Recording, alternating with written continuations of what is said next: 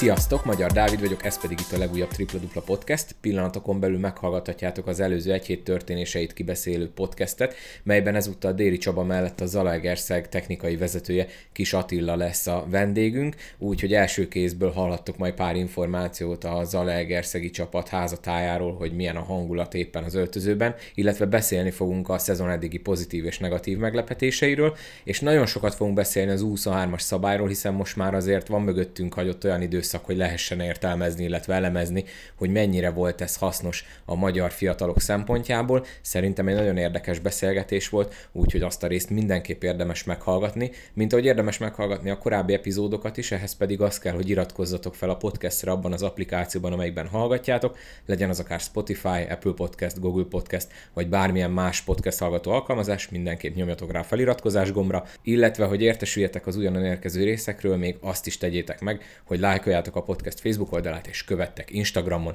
és akkor tudja, hogy mindig értesülni fogtok az ugyanen érkező epizódokról. Ahogy azt láthatjátok, vészesen közeledik a századik epizód, és egy igen illusztris vendéget sikerült arra a részre meghívni, méghozzá Stojan Ivkovicsot, aki a Magyar Válogatott Szövetségi kapitánya, szerintem senkinek nem kell bemutatni, igen megosztó személyiség, és ami igazán különlegesebben, hogy egy hallgatói kérdezfelelek epizód lesz, úgyhogy már most elkezdhetitek küldeni a kérdéseiteket, akár Facebookon, akár Instagramon, akár e-mailben, Stojan pedig majd válaszolni fog ezekre a kérdésekre úgyhogy mindenképp érdemes követni az említett közösségi felületeken a podcastet, és akkor ott záporozhatnak a kérdések Stojan irányába. Ez lesz tehát a századik epizód. Na de ennyit a szokásos szolgálti közleményekről, következzen a heti kibeszélő Déri Csaba mellett ezúttal Kis Attillával.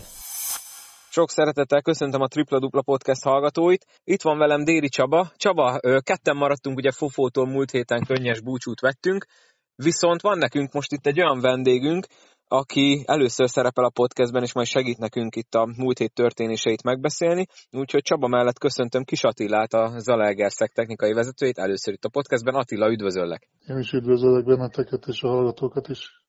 Na, hát igazából egy elég érdekes hét van mögöttünk. Ugye, amikor elküldtem nektek, hogy miről kéne majd beszélgetnünk, én úgy gondoltam, hogy nem volt igazából semmi meglepő eredmény, és most Attila ne sértődj meg, de szerintem a Zalaegerszegnek a debreceni vereségesen meglepő maximum talán a, a mennyiség, amennyivel kikapott az Egerszeg. Nektek volt-e bármi olyan eredmény, amivel így felhúztátok a szemöldököteket, és akkor Attila, mint vendég és első bálózó, akkor tőled kérdezem először, hogy neked mi volt a meglepő a mögöttünk hagyott héten? Hát a héten szerintem nem volt meglepő eredmény. A Pakstól picit többet vártam a Szeged ellen, de igazából szerintem papírforma eredmények születtek. Nyilván a kereteknek a, a sérüléseket, stb. figyelembe véve az Albának a sikere az, az nem volt meglepő. A Falkó otthon már nem jelezték, de biztosan legyőzte az oroszlány, bár két felnőtt válogatott játékosa hiányzott ami mérkőzésünktől én sokkal többet vártam a mi részünkről, de, de a különbség az elég nagy volt, amire a Debrecen megvett bennünket. Erről majd egy szóval kicsit később, erről majd egy kicsit később nyilván beszélgetünk, de nem akartam a szabadba vágni elnézést. Hát a szolnok kecskeméten szintén a papírformát, a keretek mélysége eldöntötte a Pécs körmendelni a szerepet. Hát tőlük is inkább én vártam meglepetést a Pécstől, de most nem játszottak olyan átütő erővel, ahogy, ahogy egy-két mérkőzésen sikerült nekik. Nyíregyháza pedig kapos lett, azért most lehet mondani, hogy, hogy biztosan, de azért ez egy kiélezett meccs volt végig. De hát erről is már többet fogunk beszélni, gondolom. Így van. Csaba, számodra volt-e bármi meglepő? Nem volt. Egyetértek mindenben az Attilával, amit mondott. Nekem a, olyan a Pakstól vártam többet. A Szeged nem volt jó formában és jó passzba. Ott én, ott én az előzetesen egy paksi győzelemre számítottam, de aztán a végjátékban Szeged nagy magabiztossággal behúzta. Kellett nekik ez a győzelem mindenképp, hogy elkezdjék a felzárkózást. Azon meglepődtetek-e, hogy az olaj hétközben olyan simán és olyan csúnyán kikapott hazai pályán a Nagyvárattól az Európa kupában? Hát én nagyon jól ismerem a nagyváradi csapatot, én is dolgoztam és éltem 7 évet Romániában, sőt közvetlen ellenfelünk volt, akkor én Marosvásár helyezője voltam. Azért azt tudni kell, hogy ezt a, ez a csapat tavaly a Hiba kupába négybe jutott a Nagyvárad, hét légiósa és jó nevű román játékosokkal egy 13 éve ott dolgozó román edző, aki nagyon meg van erősítve szerb edzőket, egy szerb edzői van. Egy nagyon erős profi csapatról beszélünk, sokan lebecsülik a, a román kosárlabdát, illetve a nagyváradot, tehát nem szabad lebecsülni. Mindenképpen meglepetés, hogy ekkora magabiztossággal nyert a nagyvárad. Nekik ez volt az utolsó lehetőségük, hiszen két vereség után érkeztek. Én személyesen több ellenállást vártam a szolnoktól, de gyakorlatilag az első fél időben eldűltek a nagy kérdések, eldűlt a győztes személye. És hát a szolnok egy magabiztos portugál csapat ellen egy magabiztos győzelem, győzelem van túl, a Porto ellen nyertek először. Aztán ez két nagy vereség lett a, a Varsó ellen is, Lége ellen, illetve a Nagyvárad ellen is. Szolnoknak, Szolnoknak magyar szinten nagyon stabil csapata van, de nemzetközi szint az egy másik kávéház. Attila, te nem hát, tudom, hogy követted de az Európa Én kupát. követtem, láttam, meg is néztem a mérkőzést. Mm, tőled akkor azt kérdezném, hogy szerinted mennyire volt jó ötlet Szolánót pont egy ilyen meccsen először bevetni, hiszen ugye hosszú kihagyás van mögötte, kicsit több, mint két hónap. Nem biztos, hogy pont, én, én így gondolom, mint Szónoki hogy nem biztos, hogy pont ezen a szerintem fontos meccsen kellett volna talán először bedobni őt a mélyvízbe, de lehet, hogy én gondolom rosszul. Hát szerintem nem teljes, nem ezen múlt. Én úgy gondolom, hogy a Szónoki vezetők vagy edzők úgy gondolkoztak, hogy és nem hiszem, hogy a nemzetközi kupát akarnak megnyerni, inkább a magyar bajnokságra próbálták a játékost egy picit visszahozni, formába hozni, elég sokat kihagyott, ugye egy jó játékosról van szó. De ott nagyon, amit a Csaba is mondott, nagyon hamar eldőlt a mérkőzés, mert a szónak nagyon indisponáltan játszott, nem jöttek a dobások, eladott labdák, illetve az ellenfél ez nagyon jó játszott, tehát nagyon jó, jó kosárlabdát játszottak, be is dobták a külső helyzeteiket, nagyon hamar, vagy 20 pontos hátrány volt, amit már a szónak nem tudott behozni. Illetve a nemzetközi kupa egy picit más, mint a, a magyar bajnokság. Nyilván azt gondolom, hogy a, azt gondolom, hogy a Szolánónak még nem váltották ki a magyar bajnokságra a licenszét, mert a bajnokság először sérült meg, és a Rogicsot hagyták rajta a listán. Én erre gondolok, és a Szolánót ezért játszották szerdán, és szombaton meg nem. Igen, ha tudom, szombaton még nevezve sem volt. Lehet, hogy ezzel majd megvárják Valószínű, a válogatott szünetet. Valószínű, hogy ez történhet. Jó, hát akkor szerintem akkor kezdjünk bele abba, amit ugye előzetesen kértem, hogy készüljetek. Ugye most már túl vagyunk nagyjából, ugye mindenki lejátszott 8 mérkőzést párcsapat kivételével, a Falkó meg a Nyíregyház ugye egyet többet is, tehát vészesen közeledik a szezon fele, amikor is ugye eldől, hogy ki lesz ott a Magyar Kupa 8-as döntőben, és ki nem és beszéljünk arról, hogy kik eddig a negatív, illetve pozitív meglepetések mely csapatok. Én azt mondom, hogy szerintem kezdjük a pozitívval, de Csaba, hallom, hogy te szeretnél valamit. Én, én azt szeretném javasolni, hogy a Attila, mivel hogy tényleg először csinálja, beszélő a pozitívakról, én majd fölvállalom a negatívakat. Úgyhogy a mezőny első, első felépítem egy gyors csapatot, az Attila szépen elevezze ki, aztán majd én mondom a többit. Most ezt ne úgy értsd Attila, hogy te nem szólsz tényleg, majd hozzá a negatív tényleg, dolgokhoz tényleg, természetesen. Tényleg, nem, nem, nem, próbálok ott is, az ember próbál pozitívan, de hát vannak győztesek, vannak vesztesek, ugye itt nincs döntetlen. Igen. Úgyhogy én azt Na. javaslom, kezdje az Attila. Rendben, Attila, akkor hát hozzád fordulok. Tudok én beszélni, Muszáj lesz, úgyse fogod megúszni itt a podcastből, hát, ne beszéljünk. Ezzel, tehát Na, tehát uh, akkor pozitív meglepetés. Én azt mondom, természetesen úgy meg arról beszélsz, akiről szeretnél, de én mindenképp kiemelnék három csapatot, aki számomra pozitív. Jó. Oroszlány, Kecskemét, illetve a Nyíregyháza. Fél, félfüllel még oda mondom a Pécset is. Ugye a Nyíregyháza zsinórban hármat nyert, az oroszlány szépen csendben róluk, eddig itt nem sokat beszélgettünk korábban Csabával és Fofóval, de azért szépen csendben ott vannak az ötödik helyen. A Kecskemétet meg ugye már megénekeltük, hogy mennyire jól ö, teljesítenek. Te mit mondasz ki a számodra eddig a szezon meglepetés hát, csapata? Kezdjük, a, kezdjük az oroszlány csapattal.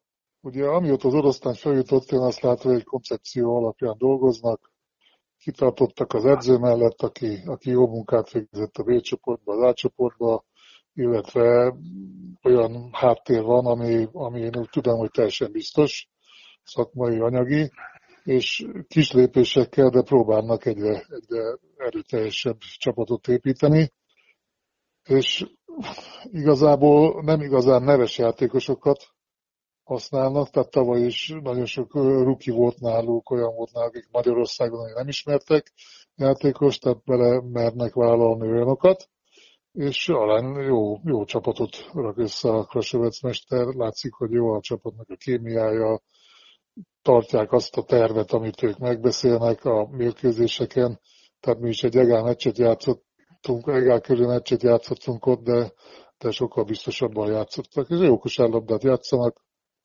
Nyilván a nagyon nagy csapatokkal még nem tudnak velünk, és gondolom itt a Falkó, tehát az erősebb volt náluk, úgyhogy két játékos hiányzott, de én úgy érzem, hogy a, a középmezőnynek egy inkább az elő, elő, elejéhez tartozik az oroszlány.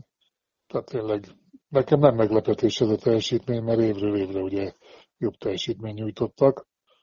Nyilván náluk az év elején volt az, hogy nem igazán ismertem én azokat a játékosokat, akiket oda vittek azért tudtuk, hogy ez a Mário Iring, ez a szlovák ligának a legjobbja volt. A szlovák liga picit gyengébb szerintem, mint a magyar, de akkor is az egy, az egy minőség, hogy ott a legjobb tudott lenni. Itt is megbízhatóan teljesít, illetve nekik is azért ne felejtsük el, vannak sérültjeik, mert a Molnár Marci az, az azt hiszem egy meccset se játszott végig, azt az első meccsen meg Igen, én is úgy emlékszem, hogy az első meccsen sérült meg rögtön. Ott még van azért tartalék, tehát szépen össze van rakva a csapat, én úgy látom minden posztra vannak neki játékosaik, a fiatal szabályban nem igazán érzem azt, ott, ott még azért lehet, ott, ott nem tudom, hogy, hogy, hogy ott első fél egy picit szerintem hátrányban vannak még. Hát ezt szerintem elég sok csapatra el tudjuk majd mondani, hogy a, igen, a, az igen, első igen. fél időben nem hát, éppen a... Egy stabil csapatról beszélünk. Tehát előbb például Muca nagyon jól játszott. Aki jól játszik ott, ott azért érzem azt, hogy ebbe. De ennyi az oroszlányról. A Kecskemét az számomra meglepetés, egy picit. Inkább azért, mert kevesen vannak, hogy Fofó is mondta, tehát hat felnőtt játékossal játszanak, de ők is egy szisztéma szerint játszanak évek óta, tehát akik ott vannak, tudják, jönnek, és az volt inkább a nem is meglepetés, hanem hogy az új játékosok hogy tudnak becsatlakozni abba, de nyilván azt szerint a szisztéma szerint választották a játékosokat, hogy olyan játékosokat vittek, akik megfelelnek annak a játéknak, amiket tudnak játszani. Ők inkább hazai pályán erősek, és ezt hozták is idén, illetve szerintem jó szakmai munka folyt, meg folyik Kecskeméten évek óta, tehát az alapok szintén megvannak arra a háttér rendezett, amit, amit vállalnak, azt betartják, és évek óta ott vannak a középmezőny. Most egy negyedik helyen vannak, tehát ez egy jó eredményt érzek tőlük.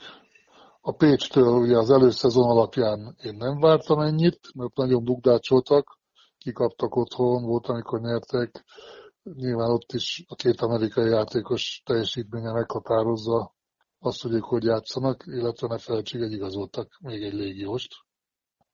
Tehát náluk is már úgymond felerős, megerősítették a csapatot a kezdetekhez képest, de a második félvők az lényegesen erősebb, mint az első, ott is a, majd az U23-asokról is beszélünk, is inkább lehet mondani, nem megbántva, hogy gyerekeket négyen kosárlabdáznak az első félből, és ezért a másodikba inkább dominánsabbak. Más csapatot nem is tudom, aki, aki pozitív meglepetés. A többiek a Falkosz hozza, amit őtől elvárnak szerintem. Nem meglepetés a teljesítményük.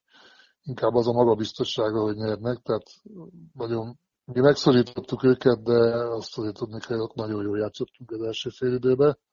Egy hazai meccs volt. A szolnok az a stabila hozza azt, amit tud a magyar mezőnybe.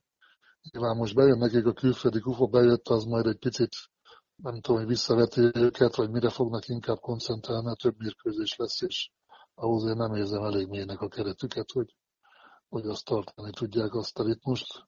A Debrecen az egy picit hullámzó nekem, de ők is hozzák azt, amit, amit elvárnak tőlük lehet, hogy csúnya dolog, de én őket például ugye előzetesen nektek mind negatív meglepetés küldtem, hiába állnak ugye 5-3-mal.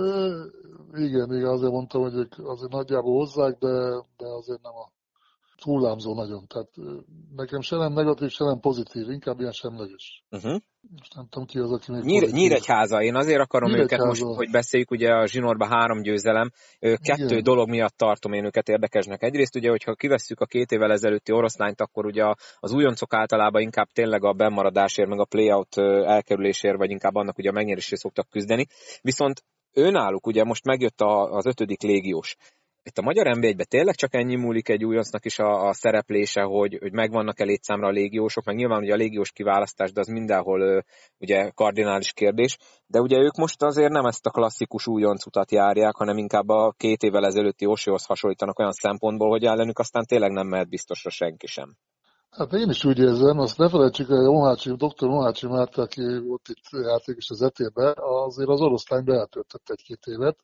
Nyilván ő egy intelligens, okos ember, és próbálja gondolom azokat a dolgokat, amik jók voltak eddig az állomásai során megbeépíteni a saját csapatnak is a, a menedzselésébe. Hát én ők is azt érzem, hogy azt a csapatot, aki feljutott, azt összetartották, együtt tartották, azt próbálták céltudatosan megerősíteni, és azért ne felejtsük el, most 9-3-mal állnak, de azok a vereségek, amiket elszenvedtek, azért azok nem azok a vereségek voltak, hogy nagyon verték őket. Tehát Kecskeméten egy utolsó másodperces három pontossal kaptak ki, már utána dobtak egy kosarat, de az már időn túl volt, tehát voltak nekik olyan vereségeik, ami akár győzelem is lehetett volna, és akkor, akkor még jobban állnának. Nyilván egy, látták azt, hogy hol a csapat, és arra a posztra hoztak egy, egy, egy jó, szerintem jó játékost a, a Suárez személyében, hát ennyi röviden róluk, de ők is egy, egy terv szerint mennek előre.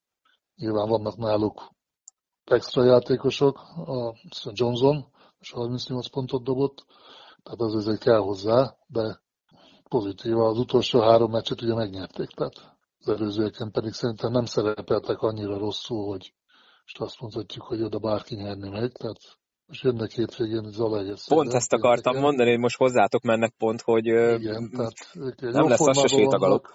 Nem, én szerintem nem. Szerintem egyik mérkőzés se, tehát szerintem egy csapat sem mehet úgy fel a pályára, hogy ezt most simán biztosan megnyeri. Változott ez a bajnokság annyit, hogy igazából én úgy látom, hogy van nagyon sok egyforma csapat, pillanatnyi forma, sérülések, betegségek dönthetnek, illetve van, van két csapat, a Falkó és a Szolnok, aki egy picit kiemelkedik a mezőnből többieket. Bár most a Deac is úgy játszott, mint aki, és ott is volt két hiányzó, ugye a Drenovac meg a Polyák ellenünk, de mégis nagyon magabiztosan játszottak. Csaba, Ennyi hozzád fordulok, szerintem Attila, remélem mindent elmondta, és nem vágtam közbe. Csaba, mennyire értesz egyet ezekkel, amit Attilától hallottunk, illetve van-e valami, amivel kiegészítenéd itt a pozitív meglepetés csapatokat? Abszolút egyet értek illetve szerintem haladjunk, akkor jó, tőlem mondd akkor kezdheted a negatívakat, hogy kiszámodra a legnagyobb negatív mondd meglepetés. a csapatokat. Mondd hát, a csapatokat, te kére gondolsz. Szerintem az Albáról nagyon sokat beszéltünk, úgyhogy őróluk maximum, hogyha Attilának van valami hozzáfűzni valója, mert az elmúlt hetekben őróluk nagyon sok szó volt. A Szegedről is kicsit beszéltünk, de ott igazából esetleg a, a, arra rákérdeznék nálad, hogy most ugye tudtak nyerni Pakson, ahol te ugye előzetesen hazai győzelmet vártál. Látsz-e náluk valami fejlődést, vagy még mindig az van, amit ugye az elmúlt hetekben beszéltünk, hogy ott azért lehet, hogy változtatni kéne, hogyha oda akarnak érni előkelő helyre? Szerintem a paksi győzelem az nagyon nagy fegyvertény volt részükről, illetve most nem felejtsük el, hogy szerdán fognak játszani a Sopronna, ahol továbbra is hat sérült van, és hogyha ott érvényesítik a papírformát, akkor, akkor két egymás utáni győzelem, és utána fogadják hétvégén a Falkót, akinek azért lesz egy buszos útja Trevizóból, még vissza, és úgy mennek Szegedre. Tehát ott egy óriási meccset játszanak, de ő nekik a nagy meccs az a szerdai, ha azt érvényesítik a jelenlegi papírformát a, a sérülésektől megtüzedett Sopron ellen, akkor javulhatnak, illetve szerintem nem tudják Szerintem a legnagyobb probléma az, hogy tavaly volt egy meghatározó 23-asok a Kerper Frónius Gáspár személyébe. Az idén a Polányi Balogh Szatmári 3-as közül egyik se tudott kiemelkedni, illetve tavaly volt négy extra légiósuk, kettőt pótoltak, az irányítót, illetve a, a Brown-t pótolták a az idei szezonra, de a, a center nem funkcionál egyelőre, bár Pakson nem játszott már rosszul, és a négyes posztos Ausztrál játékos, ugye ő beteg volt egy hetet, Pakson gyakorlatilag epizód szerepe volt, tehát ott a két magas játékosuk nem funkcionál egyelőre, tehát ő nekik szerintem még a rossz teren is kell változtatni, javítani majd. Úgyhogy Szegedről ennyit gondolok, tehát tehát egy újratervezés fázisában vannak. Legyen a következő csapat szerintem a Kaposvár, mert ugye ők sincsenek éppen a legjobb formában, illetve ugye tavaly ott, mikor Lazics mester átvette a csapatot, akkor, akkor nagyon nagy javulás volt, idén viszont egyelőre inkább szomorúak, illetve elégedetlenek a szurkolók, mint elégedettek. Ugye három-öttel állnak, de, de amikor vereséget szenvedtek, akkor néha nagyon kilátástalan játékkal szenvedtek vereséget. Kaposvárról speciális véleményem van tavaly. A Kranyánszki az U23-as szabályvédelme alatt 29 és percet játszott, és 10 volt tett hozzá, jó szezonja volt. Az idén nincs ebbe, hanem felnőtt játékosként kell játszani, neki 20 perc alatt van 2,4 holja. Aztán a Plézer Puska pár szőke négyes nem tesz hozzá, tehát az első 20 percben óriási hátrányban vannak. Érdekes, hogy a második 20 percben ugye van négy légiósuk. Az előzetes alapján ez négy jó légiósról van szó, és egyelőre Hilliard és a Martin hozta azt, amit tud, a Ford és a a TJ Price még csak időszakosan tudta hozni, és hát a Csóroási, akit két évre szerződtettek, egyelőre nem tett hozzá, és igazából nem úgy funkcionál sem a Kranyanszki, visszatérek rá, sem a Handline Rollihez, mert Rollinak vannak fővillanásai, meg abban száz százalékig biztos vagyok, hogy ő fog javítani a teljesítményén. Egyelőre csak időszakosan funkcionál a Kaposvár, én a Kaposvártól egy stabilabb teljesítményt, majd a válogatott szület utánra várok, de addig is még lesznek olyan meccseik, amiket meg kéne nyerni. Tehát még vannak feladataik a válogatott szünetig, de akkor tud majd összeérni szerintem. Illetve mindenkinek a szerepe akkorra tisztázódik, és én a második szakaszában majd a december 11-től, ahogy kezdődik a a következő időszak, a válogatott ablak utáni időszak, akkor szerintem lesz egy jobb teljesítmény. Én azt mondom, hogy a soproniakat ne bántsuk, mert ugye kettőt találnak ők is, de az a példátlan sérülés, hát nem annyira példátlan, ugye mondjuk úgy, hogy idén sajnos ők húzták a rövidebbet, és őket éri ez a példátlan sérülés hullám. Paksot kicsit érintgettük. Őnáluk mit látsz, mert ugye ott is rosszul kezdődött a szezon, utána volt egy kis feljavulás, de most megint ugye belenéztek, már zsinórba három vereségnél tartanak, és ráadásul nem világverő csapatoktól, most nem akarom bántani se az Alegerszeget, se az oroszlány, se a Szegedet, de tehát azért nem egy falkólaj, stb. játszottak ebben a három Paksot, mérkőzésben. Paksot elképesztő módon sújtja az U23-as szabály, Gyakorlatilag nem látok senkit, aki ennek megfelelne, tehát a szakmai minimumot elérni, ami az alcsoporthoz kell. Nagyon jó három magyarjuk van, tehát itt a Ellingsfeld, ő egy aktív válogatott, a Kovács nagyon jó nevű magyar játékos, Kis Attila fia Raúl, ő több poszton is szerepeltethető játékos, és van öt légiós, amit a szakmai stáb itt a Jan Pavlikra gondolok, illetve a Theo Hoyts nevű új edzőre gondolok, és hát a légiósok nem úgy funkcionálnak, ahogy kellene.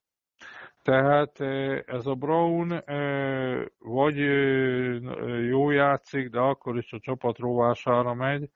Aztán ez a Gyukánovics, az később jött, még nem vette fel a ritmust, tehát őtől ő egy jó játékos, amiket tud, azt nagyon tudja.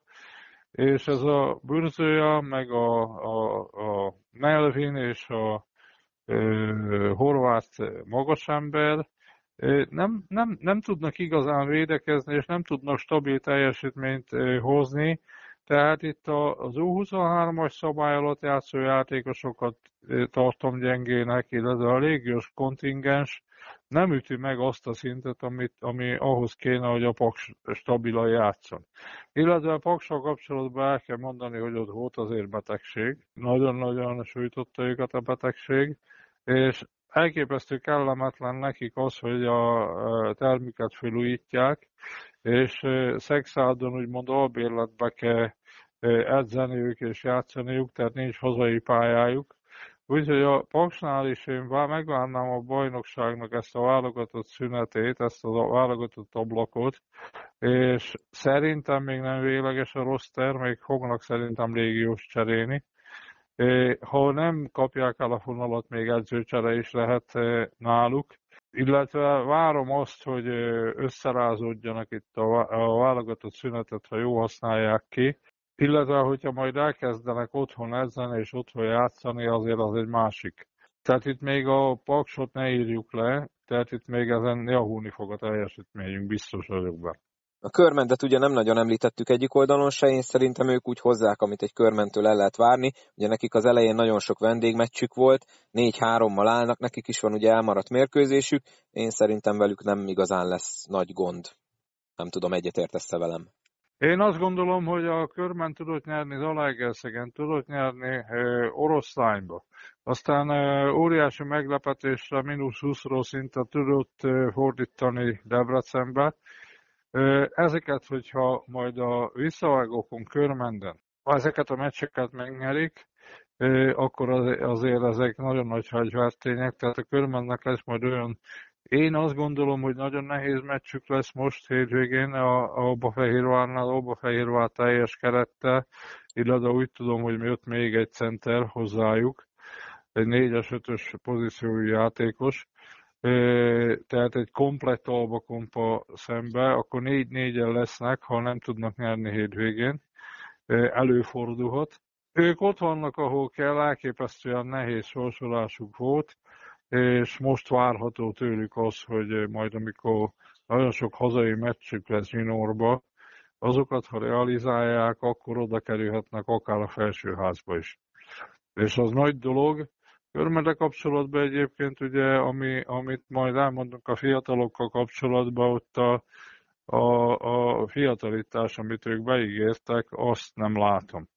Tehát a maga az eredmény, illetve a, a szituáció az jó egyébként. Ez az Alba elleni meccs ráadásul tévés lesz, és igen, ahogy mondtad, ott nekik decemberben lesz egy olyan ö, nagyjából két és fél hét, amikor öt meccset játszanak hazai pályán. Viszont ugye ők voltak az egyikek, akik a Nyíregyházának a jó periódusába beleestek. Az az idegenbeli esetleges győzelem, mert lehet azt előzetesen úgy kalkulálták, az hiányozhat. Meg hát ugye, hogyha ránézünk a Paksnak az eredmény sorára, akkor azt is egy kicsit bánhatja a körment, szóval ők állhatnának akár sokkal jobban is, de lehet, hogy ez a két mérkőzés még akár hiányozni fog a végénél. A realitás az így. Tehát előre aláírta Hónász mindenki az, itt, az eddigi eredményt a sorsolás tudatába, illetve az, hogy nagyon sok meccs idegenben volt, és ne felejtsük el, hogy a körment sem tudott a parket felújítás miatt körment, de sem tudott a saját termébe edzeni. Tehát viszontagságos később is kezdték a felkészülést, és nem tudtak a termükbe edzeni. Tehát ő nekik is nagyon nehéz volt ez. Tehát az előzetes várakozásoknak ez az eredmény megfelelt. Attila, amiket Csaba mondott, melyikhez szeretnél hozzáfűzni bármit, melyik csapathoz? Én egyetértek, amit mondott, a körben én is azt érzem, hogy ezek az idegenbeli győzelmek, amik nekik voltak, ugye a, az oroszlányban is, a Beace ellen is, az egy egymás ellenében az nagyon sokat fog, fog számítani, mert nyertek nálunk Zalaegerszegen az első fordulóba.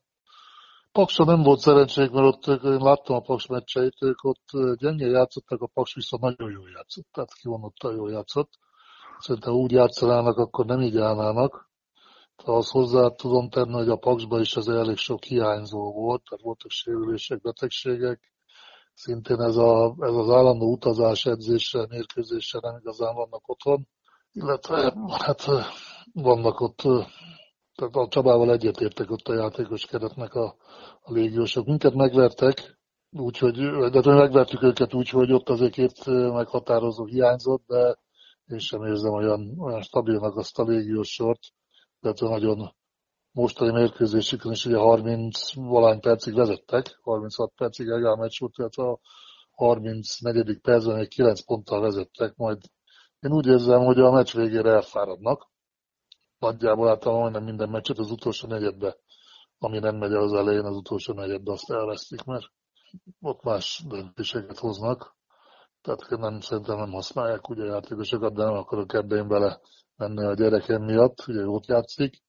A Sopron az tényleg, ez rengeteg sérülés van, tehát azzal úgy nagyon nehéz, de például egy Szegednél is azt nézzük, hat meccset játszottak, kettő-négyel állnak, tehát ők is, hogyha megverik a Sopront, akkor az már, az már három-négy hét meccsből, illetve most ha nézem a tabellát, akkor a nyolcadik Kaposvár az három-öttel át, tehát nagyon pici a különbség, a, a Paks pedig kettő hattal az utolsó.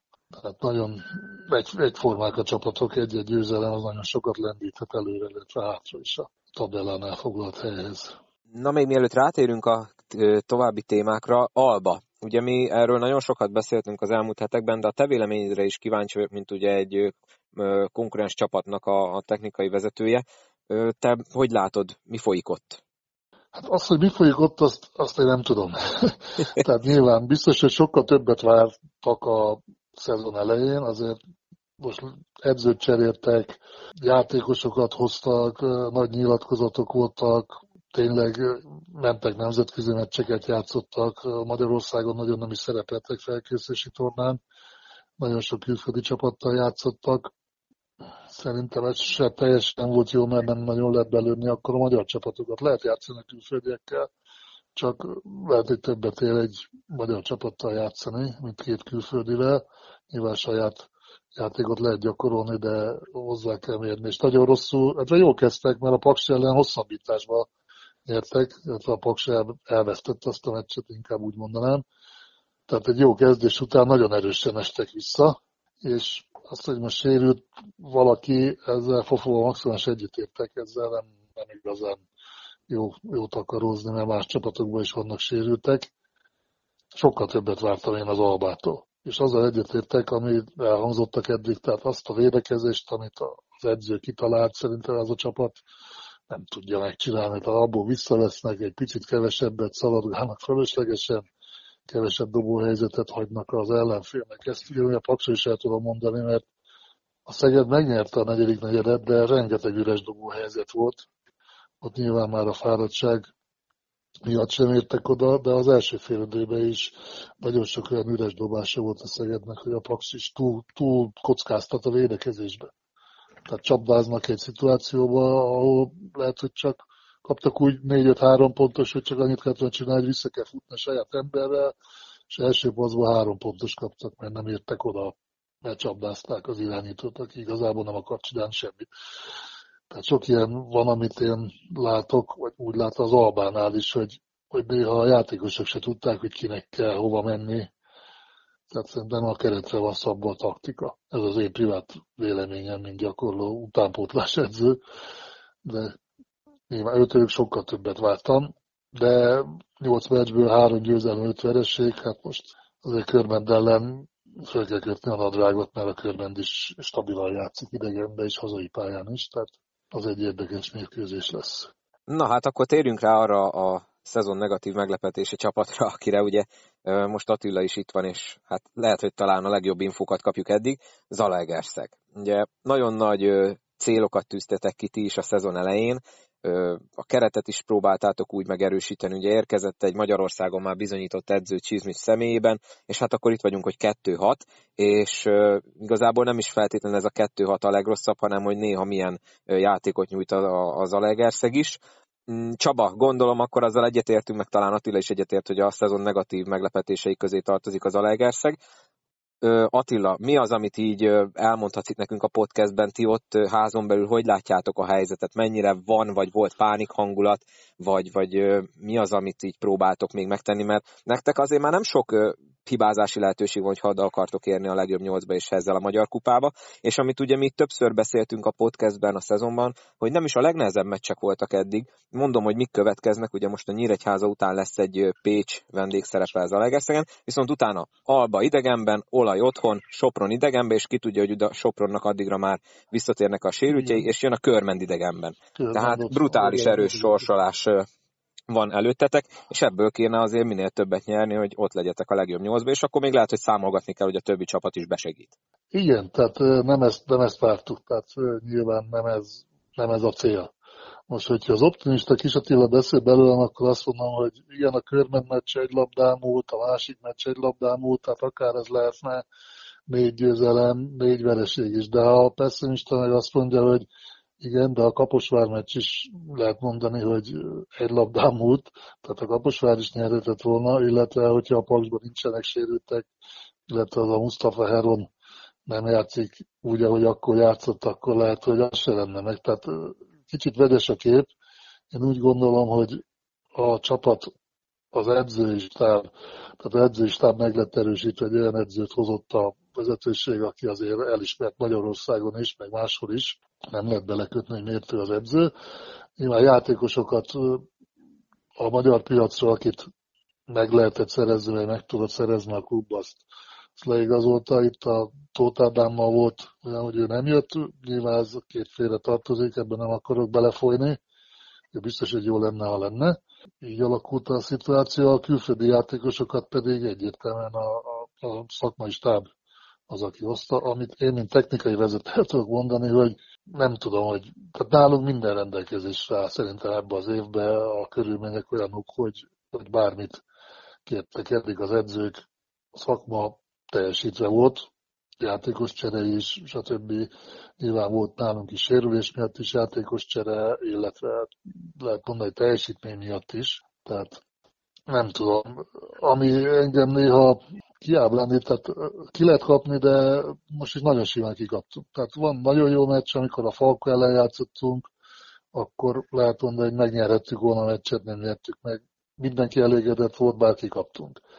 De vannak olyan vereségek, ami, ami picit nem látom, hogy hogy tudtuk volna nyerni. Tehát nagyon hullámzó a csapatnak a, a teljesítménye, amit én látok, de szerintem még pánik hangulat még nincsen, Ja, most két olyan mérkőzés következik, amit itthon meg kell nyerni. Tehát, hogyha nyolcba akar jutni egy csapat, akkor az ellenlábasokat most, mondom, a Falkot meg a Szolnokot most engedjük el, de a többi csapat ellen azért hazai pályán kell nyerni. Tehát olyan nincs, hogy ide hazai pályán elvesztem, de még a nyolcba akarjuk jutni. Hát hol fogok nyerni, a otthon nem ezt a kettőt hozni kell, és utána tényleg van egy brutálisan erős sorsolás. Annyival még, hogy a körben tudunk javítani, mert az még az első fordulóban fog számítani itt a pályaválasztói jog felcserélése miatt. Tehát, de nem tudunk hibázni ahhoz, hogy nyolcba jussunk, ahhoz, ahhoz majdnem minden meccset nyerni kell előbb említetted, hogy pánik hangulat még nincsen, de mégis úgy milyen a, a hangulat a felnőtt csapat házatáján, hogyha mondjuk te is ott vagy a, az edzésen, vagy, vagy valahol így összetalálkoztok, milyen a, a hangulat a játékosoknak az öltözőben, edzőkkel, tehát gondolom azért valami rálátásod csak van, ugye, mint technikai vezető gondolom eléggé napi kapcsolatban vagy mindenkivel szinte. Hát, napi kapcsolat van, tehát hangulat most nem mondom azt, hogy jó, mert nyilván kettő hat találsz, most kikaptál Debrecenbe, úgyhogy esélyed nem volt, tehát 16-10-0, 16-2, onnantól már vége volt, lehet mondani a mérkőzésnek, bár feljöttünk még ilyen 10 pontra, de, de utána megint a Kecske, Debrecen elment 20 tehát igazából nem volt esélyünk, illetve vannak olyan játékosok, akiknek a teljesítménye nekem csalódás, mert sokkal többet tudnak, szerintem, Nyilván nem azt jelenti, hogy nem akarnak jól játszani, valamiért mondjuk egy Barnettnek például a Falko ellen most kijött a lépés, de a Debrecen ellen meg szintén az volt, mint előtte pár mérkőzéssel, hogy nem kettő-négy pont, tehát nem, nem azt hozza, amit a felkészülési meccseken hozott. Nyilván felkészülési meccs mindig azt mondom, hogy az teljesen más, az ellenfelek nem hiszem, hogy kiszkautolják teljesen a másikat, inkább a saját dolgokat akarják gyakorolni, ott könnyebb villogni, de bajnoki azért ez megint egy másik történet, de hangulat az, az edzéseken dolgoznak, rendesen csinálják, tehát nincs azzal semmi probléma. Nyilván mérkőzéseken nagyon nagy a hullámzás, és azt kell megtalálni, hogy ez miért van. Akár még egy mérkőzésen belül is nagy a hullámzás, illetve én úgy látom, hogy például nálunk a fiatal játékosok, majd fogunk róla beszélni, tehát az úgy, hogyha a Csuti meg a Simó többet tesz hozzá, mint a légiós, akkor valami nem. Tehát akkor a légiósnak el kell gondolkozni, hogy miért van itt. Nem tudom én megindokolni, hogy miért, miért így teljesítenek. Nyilván jól akarnak játszani, de valamikor kijön a lépés, valamikor meg nem, de nem stabil a teljesítmény, azt látom. Csaba, ezek, amiket most Attila elmondott, és amiket ugye az elmúlt hetekben beszéltünk itt a podcastben, meg amit láttál a Debrecen elleni meccsen, mit, mit gondolsz, mekkora esély van arra, hogy Hanvaiból feltámad Főnix madárként az Ete odaér a legjobb nyolc közé, amikor számít itt a 13. meccs után? Itt tényleg arról van szó, hogy a városvezetés és a klubvezetés mindent megadott a, a szakmának. Itt tényleg a, a szakmán, illetve a játékosokon van a sor. Most kettő olyan mérkőzésig következik, ami kötelező kategória.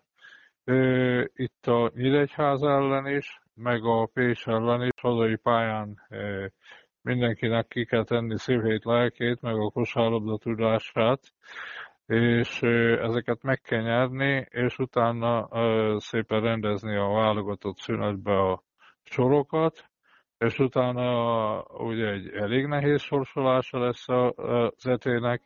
Én azt a decemberi nagymenetelést azt várom, én akkor akkor szerintem akkor látjuk az igazi arcát a csapatnak, ha akkor sem játszik jól a csapat, illetve ha már, már most ezen a két kötelező győ, győzelem nincs meg, akkor azért összeláncolnánk klubvezetőként a homlokon. Tehát, tehát most jönnek azok a feladatok, feladatok, amiket meg kell oldani. Meg kell nyerni, vannak ilyenek. Tehát minden szezonban vannak ilyen szituációk, amikor nincs mellébeszélés, hanem egyszerűen jó kell játszani, és nyerni kell. Most ilyen szituáció Attila, még egy kérdés így a szezonotokkal kapcsolatban, ugye nektek a Zalaegerszegen az a szerencsés helyzet, hogy nagyon jó szurkoló tábor van, viszont ugye amikor nem megy a csapatnak, akkor, akkor kifejezik nem tetszésüket is. Téged, aki ugye Zalaegerszegen ott, hát nem tudom, mondhatom, hogy egy ilyen élő legenda státuszban vagy, remélem nem túloztam, vagy nem kisebbítettem az érdemeidet. Szóval téged például megtalálnak-e az utcán, vagy, vagy megkérdeznek-e, hogy Attila mi a túró folyik itt, és hogy mikor lesz változás, vagy azért annyira nem veszélyes a helyzet, mint ahogy mondjuk néha a fórumokon látszik, hogy elégedetlenek az alai szurkolók? Hát nyilván most az élő legenda. Vannak, akik szeretnek, de van, van olyan is, aki engem se szeret. ez, ez egy ilyen dolog, nem tudsz mindenkinek megfelelni. Igen, ha vannak ismerősök, akik nyilván megállítanak, megkérdezik, hogy mi a helyzet. Vannak olyan szurkolók is, akikkel én szoktam beszélgetni, még hogyha negatív kritikát fogalmaznak is meg, tehát vannak, akikkel most inkább úgy mondom, hajlandó vagyok beszélgetni, de van olyan is, aki ezek a fórumokban nem nagyon menjünk bele, mert tehát tényleg, amit azt olyan is egyszer mondott, aki arc meg név nélkül mondja a véleményét, azzal nem kell foglalkozni én is hosszú évek óta igazából ezt vallom, mert vannak olyan emberek, akikkel hiába beszélsz, és egyszerűen nem akarja megérteni, hogy, hogy mi történik, mik a dolgoknak a menete. Nyilván csak neki lehet igaza, mert tudom, hogy 30 éven jár meccsre, és ő ezt látja. Én mindig azt mondom, 30 éven nézek tévét, de mégsem tudom megszerelni, hogyha elromlik. Nyilván nem mondok véleményt a tévészerelő munkájáról, de ez egy hülye hasonlat, de valahol így van. Tehát van, aki meg nem tud megmagyarázni, mit történik. Megállítanak, szerencsére vannak szurkolóink, én azt mondom, szerencsére van kritika is, tehát inkább legyen kritika, kritikai észrevétel, meg legyen szurkoló, mint hogy a teljes közöny, közöny lenne.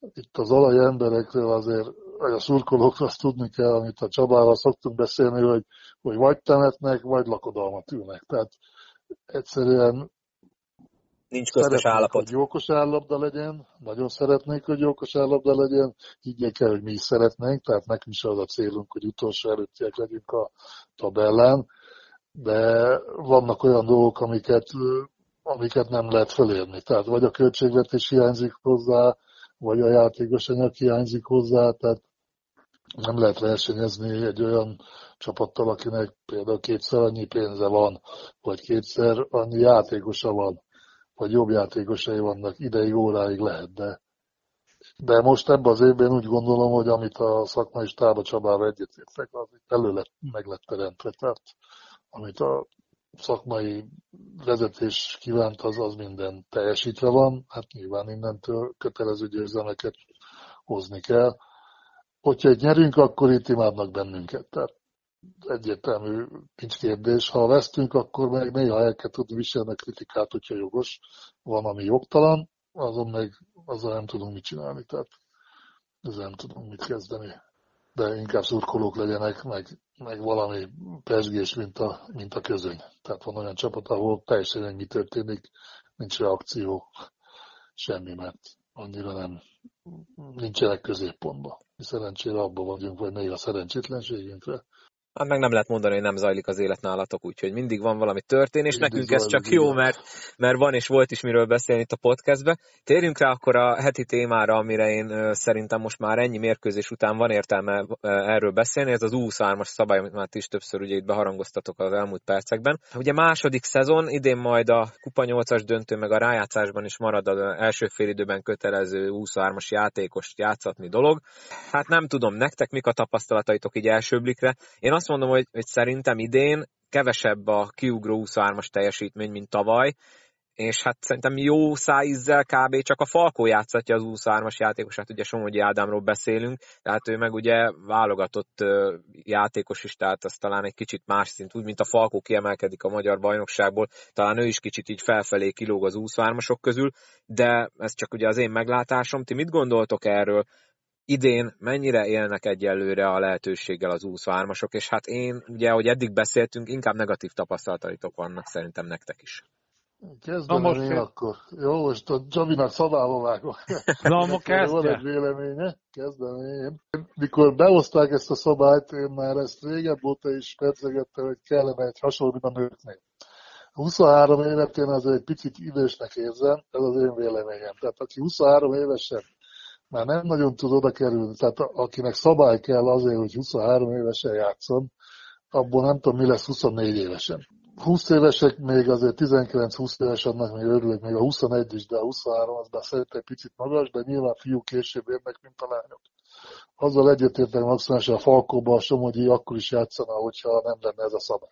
Nem tudom, hogy 20 perc fölött játszana-e, de, de biztos, hogy pályára kerülne.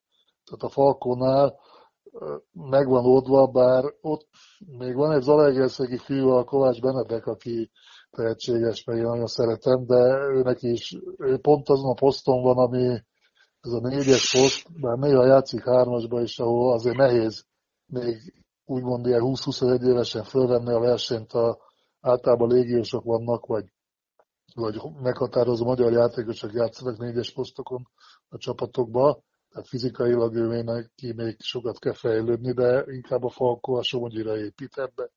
Mögöttük én nem látok olyat, aki, aki igazából számottevően tud, tud segíteni nekik. A Szolnokban a táj volt, nem tudom, négy-öt éve van Magyarországon, még minden sikerült megtanítani kosárlabdázni. Lehet, hogy nem is lehet, nem tudom, fizikailag nagyon jó.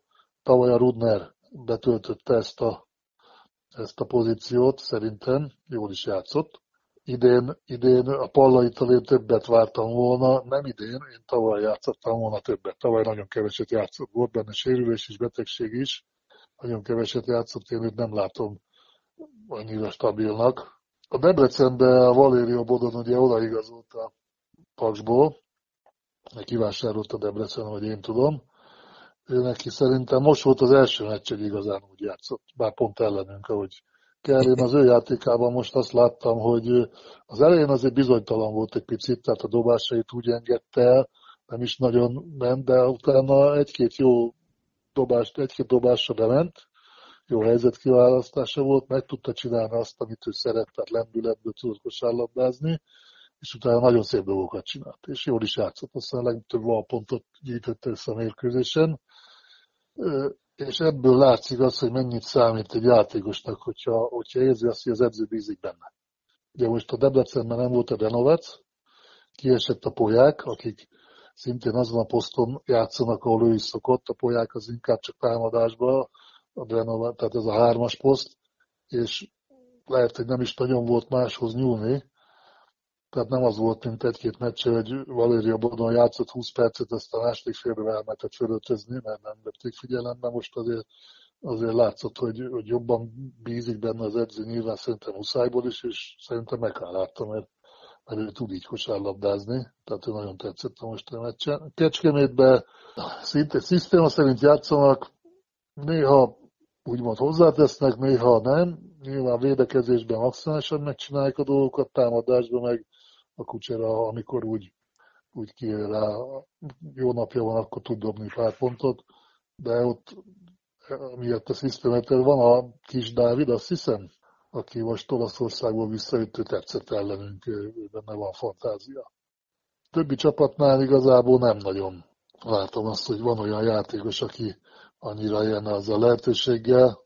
Nyilván Lukás Norbe Fehérvárba, bár most picit visszaesett a teljesítménye, a balsait nem játszották, pár meccs óta már, azt nem tudom mi, a Szegedben nem látok olyan játékost, Nyíregyházában a Kisbenedek néha egy-két nagyon jó meccset produkált, például az Alba ellen, de ő stabilan játsza. Sopronban a Sitku Marci van, aki, aki megfelelnek a szabálynak, de őtől is picit lehet többet várni. Paksba nem látom azt, hogy ki az, akire az edző rátenné azt, hogy ő a fiatal játékos. Tehát inkább azt látom, hogy ott van három srác, a Franka, Karosi Gergő, az Orgona, őket, ott a Pajor Dávid is van, meg most a Szalai is visszatért ugye a sérüléséből, de a Pajor meg a Szalai nem játszottak még eddig sokat, az Orgona se. Én úgy látom, mint hogyha stopperra cserégetni őket az edző lejárt, hogy 7 percet ülje le. Nem tudom, nem tudnak annyit hozzátenni. Az etében én örülök, a Simó helyenként nagyon jó, jó játszik. A Simó Bence, aki mindenki azt mondta, hogy nem lesz bele kosárlabdázó, meg kicsi, meg ez az, de szerintem megcáfolja ezeket a hangokat. Ő, például Paks ellenes nyerő játékos volt szerintem, azzal a két-három pontosan, amit bedobott. A Csuti pedig szerintem egy pici üde színfolt, bár ő centerposzton igyekszik. Múltkori meccsen például plusz 20 plusz minusza volt a Falkó ellen, azt hiszem. Falkó ellen volt talán? Igen, azt itt mi a podcastben is Falkó megemlítettük. Ellen, 20, 20 volt, nyilván nem ő hozta össze 20 pontot, de jókor volt pályán, meg hát meg jól is játszott, tehát ő, benne is van fantázia, de kevés olyan játékos van, aki, aki úgymond él vele. Körben nagyon sok fiatal van, ott a Takács stabilan játszik, ő megkapja azokat a perceket, őnek is van, amikor jó a teljesítménye, van, amikor, van, amikor azért látszik, hogy ő fiatal, ő védekezésben azért stabil. Oroszlányban szintén nem látok annyira fiatalból, hogy a Pécs oda ment a Carev, hol így, hol úgy játszik. Muca ellenünk jól játszott. A Pécs, Pécs az, aki azt mondanám, hogy az első félben négyen játszanak. Tehát ott, ott nem tudom, most ugye az Armadzsáni odaigazolt, Saidnak a fia, őt most úgy látom, inkább őt használják, de második félidei Pécs az lényegesen erősebb, mint az első félidei. Illetve a Kaposvárban is a Plézer Gabinak megvannak a percei, ők a Puska Bencével osztoznak rajta a 20 percen. Hát ha bedobják az üres helyzetet, akkor jó, ha nem, akkor, akkor pályán voltak. Tehát ugye tavaly volt a Kaposvárnak az előnye, hogy a Krajnszki tényleg jó játszott, azzal abban 20, nem is 20 percet játszott, hanem 27-et, az, az most nincs meg nekik. Nyilván ez is a teljesítmény visszaesésnek ez is egy, egy oka. Aztán meglátjuk, nem is tudom melyik csapatra nem tértünk ki. Szegedben nem látok olyan, olyan játékost, aki, aki tudna vele élni az albából, hogy az Omának a, megkapja a perceket, de a, a Lukács meg kevesebbet, vagy nem is tudom, sérült volt, beteg volt, valamiért nem játszott, a balsai pedig abszolút az elején játszott, utána, mint hogy eltűnt volna. Tehát én azt úgy hibának tartom. Az is egy tehetséges srác. Csaba, hát nem tudom, ez mit tudsz még hozzátenni, mert Attila kb. most olyan szinten leelemezte nekünk itt a kérdést, ahogy te hát szoktad csinálni. Készültem rá. dolgozom, tehát. igen, végül is egy utánpótlásban dolgozó edzőtől elvárható ez, úgyhogy hát ez, ez igen kimerítő hát. volt Attila. Na én is készültem, sőt itt egy papírra ki is írtam azért sok mindent. a, ezzel a U23-as szabálya kapcsolatban. Na most, mivel hogy profi, A-divíziós bajnokságról beszélünk, azt én el tudom fogadni, hogy öt légiós legyen, de egy magyar mindig legyen a pályán, tehát az öt légiósból ne, legyen, ne tudjon öt légiós, öt légiós ellen játszani. Az U23-as szabály szerintem a második év elején vagyunk. Szerintem nem hoz semmit a magyar kosárlabdának, és mindjárt meg is indoklom, hogy miért. Ugyanis aki jó játékos, az harcolja már ki, tehát van zöld csoport, piros csoport, U20, MB2, egyetemi bajnokság, aki odavaló, azok játszanak ott, illetve ez ilyen alamizsnának fogom én ezt föl. Tehát nem, nem, nem hozott annyit, amennyit én vártam volna. Mindjárt mondom a sorba. Falko, tavaly bajnok kupagyőztes Champions League-es csapat, Dr. Péterre és a Dancsesre, valamint a Kovácsra tették rá a három, három, erre három játékosra tettek. A doktor játszott nagyon sokat, de csak, epi, csak olyan statiszta szerepet adtak neki a támadásba elsősorban, tehát csak védekezett a játékos. Az idén nagyon nehezen talált magának csapatot, valamikor július végén kelt el, úgymond, és az idén gyakorlatilag nem játszik. Szint semmit nem játszik, a Dancses B csoportba tudott emenni, és a, a, a Kovács az idén ugye volt neki valami készsérülése, de a Somogyi mögött abszolút második helyre került. Tehát a tavalyi évben, a évben, akik játszottak a Falkóba, az idén kevesebb szerep hárult rájuk. Jellemző, hogy tavaly a Magyar Kupa döntőt és a, a, a, a playoffot egy hétemberes rotációval játszották le, és a, például a Dr. Pétert egyetlen egy FIBA kupa meccset, hat FIBA kupa meccset játszottak, Champions League meccset játszottak, egy meccsen tették be. Az idén leigazolták a, a Somogyit, aki már tavaly Debrecenbe is karakteres teljesítményt ö, hozott. Akár, ha nem lenne szabály, a Somogyi akkor is játszana. Tehát abszolút egy felnőtt válogatott játékosról van szó, hiába még csak 21 éves, de már hót külföldön. Tehát itt ebbe a, a, a szituációban abszolút úgy tűnik, hogy fölösleges az U23-as szabály. Szolnok.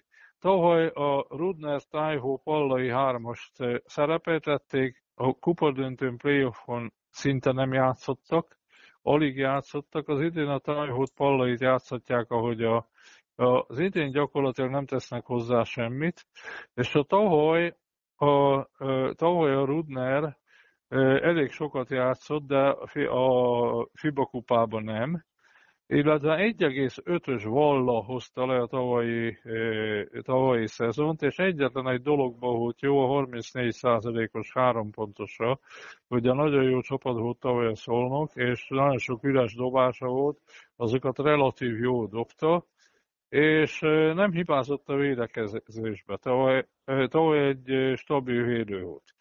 Az idén nem játszik, gyakorlatilag nincs szerepe az idei szolnokba. Tehát itt is azt mondom, hogy nem hozott, nem hozott az 23-as szabály nekik semmit, sőt, teher, hatalmas teher nekik, hát én a Pollaitól egyértelműen többet várnék. A Deasz elvesztette tavaly a Somogyit, a Neuhirst játszott meg még a Kovács Ákos egy keveset, de ők nem tettek igazán, igazán hozzá, Somogyi tavaly is már karakteres teljesítményt hozott. Az idén a Valeriót, aki tavaly teljesített Pakson, 9,1 volt hoz az idén, nem mindig játszott jó, jól, most nagyon szerencséje volt, hogy a Drenovac, illetve a, a Poják sérült volt, és az Ete ellen jót hozott. A Kovács lassúnak érzem, a Neuhirt pedig csak három pontos, üres három pontos dob, tehát a Debrecenné megvan oldva a dolog, de ezek a Valerio meg a Somogyi mindenképpen játszott volna. A KTN-é tavaly Kucsera, Chester, Lukács játszott, a, a Chester keveset egyre, a végén már egyáltalán nem használták, a Lukácsot csak dobásra használták, a Kucsera az, aki sokat játszott, illetve évközben vitték a Fazekas Mátét, hozták haza Németországból. Az idén az volt a terv, hogy a négyes poszton ugye a Kucsera, Fazekas és a Kis Dávid fog játszani. Hát időszak a Fazekas sérült, aztán a Lukács beteg volt sokáig, nem átrendelkezésre, a, a, a Kis Dávid üde színfolt, de csak epizódokra. A Kucserától várnék egy sokkal stabilabb teljesítményt, egyelőre nem hozza. Na most MTN, ugye Takács, Rolf Martinez, két kis, Kenéz, Német Ákos, Oroszi, Érsek, Balog, Durázival kezdték tavaly. Ennyi játékost nem lehet szerepeltetni, illetve nem látom a koncepciót, mert a Körmend ígérte, hogy a tavaly is, meg az idén is stabil fiatalítási program van. Nyertek egy U20-as bajnokságot, az idén megtorpant ez a fiatalítási program, Takás Kristóf 17 perc alatt hoz 1,7 volt, Kenéz játszik 7 percet, két val, a többiek gyakorlatilag nem játszanak, az egyik kis azóta már kölcsön lett adva Nyíregyházára, ő teljesít. A másik kis nem teljesít. Az érsek már volt kölcsönbe Miskolcon, most hazajött, de nem kap lehetőséget. Oroszi B csoportba tudott elmenni, Német Ákos ZTL-be kapott perceket, volt, mikor tett hozzá, volt, mikor nem. A Durázi az, aki kikerült a szabály alól, az mindenhogy játszanak. Tehát ha lenne szabály, ha nem lenne. PVSK, Dragasevics, Meleg, Carev tavaly, tettek hozzá. Az idén ne beszéljünk róla, én tisztelettel vagyok minden fiatal játékos iránt. Jobb, ha nem beszélünk a Pésnek az idei első félidei teljesítményről. Tavaly Anda Muca epizód szerep volt oroszlányba, nullához közelített a, a, ért, a teljesítményüknek az értéke. Az idén a Carev ugye ő egy jó dobó, volt már meccse, Mucának is volt már meccse, Tóth Bencének is voltak epizódjai, de a, a, a, a teljesítmény indexük nulla. Tehát ott a, a felnőtt játékosok, illetve a, a légiósok hozzák.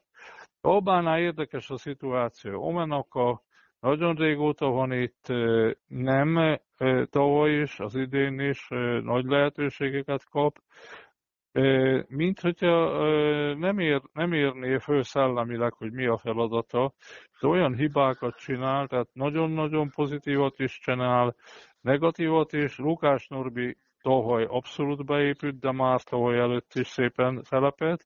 Nekem nagyon tetszik a balsai, ő az idén valami miatt nem kapja azt a lehetőséget. Ott van a Szodik, ugye ő beteg, a Kos nem kapott lehetőséget, Takás közül a Milán kapott, tehát az Albának a legpozitívabbnak én a Lukás Norbit érzem.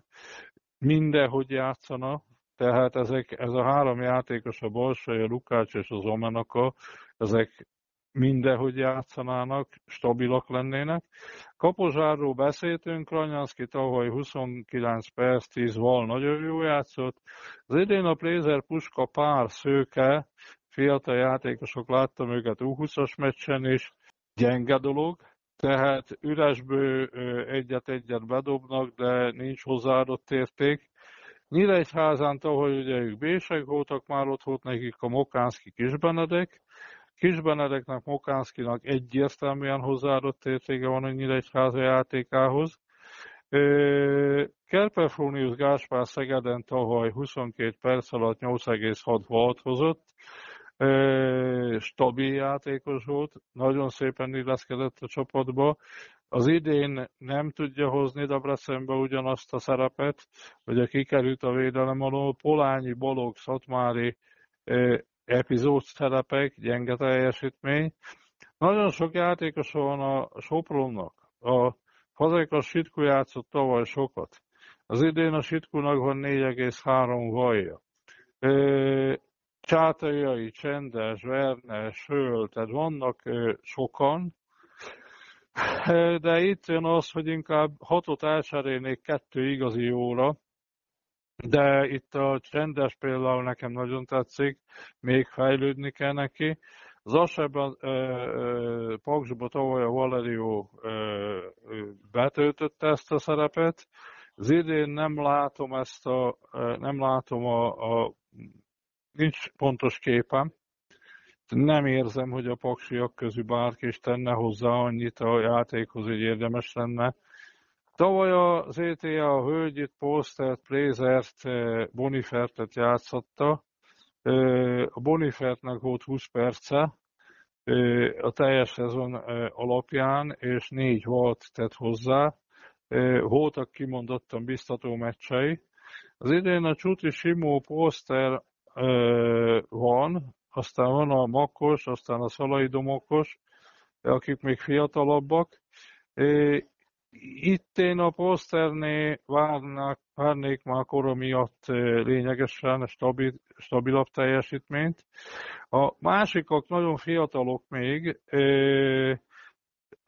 ha egy évvel idősebbek lennénk, én nagyon kíváncsi leszek arra, hogy ez az év lemegy, és jövőre, meg utána, ha marad még ez a szabály, én akkor, most is már lesznek felvillanásaik, meg, meg tudnak hozzátenni, mint a Simóéhót. Csutin, a Csutinak vannak megvillanásai, de itt még fiatalok, és itt az érési folyamatnak a kellős közepén vannak.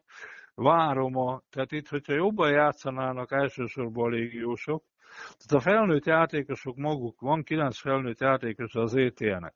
Ha azok jobban játszanának, őnekik is könnyebb lenne a, a, a betölteni a, a szerepüket.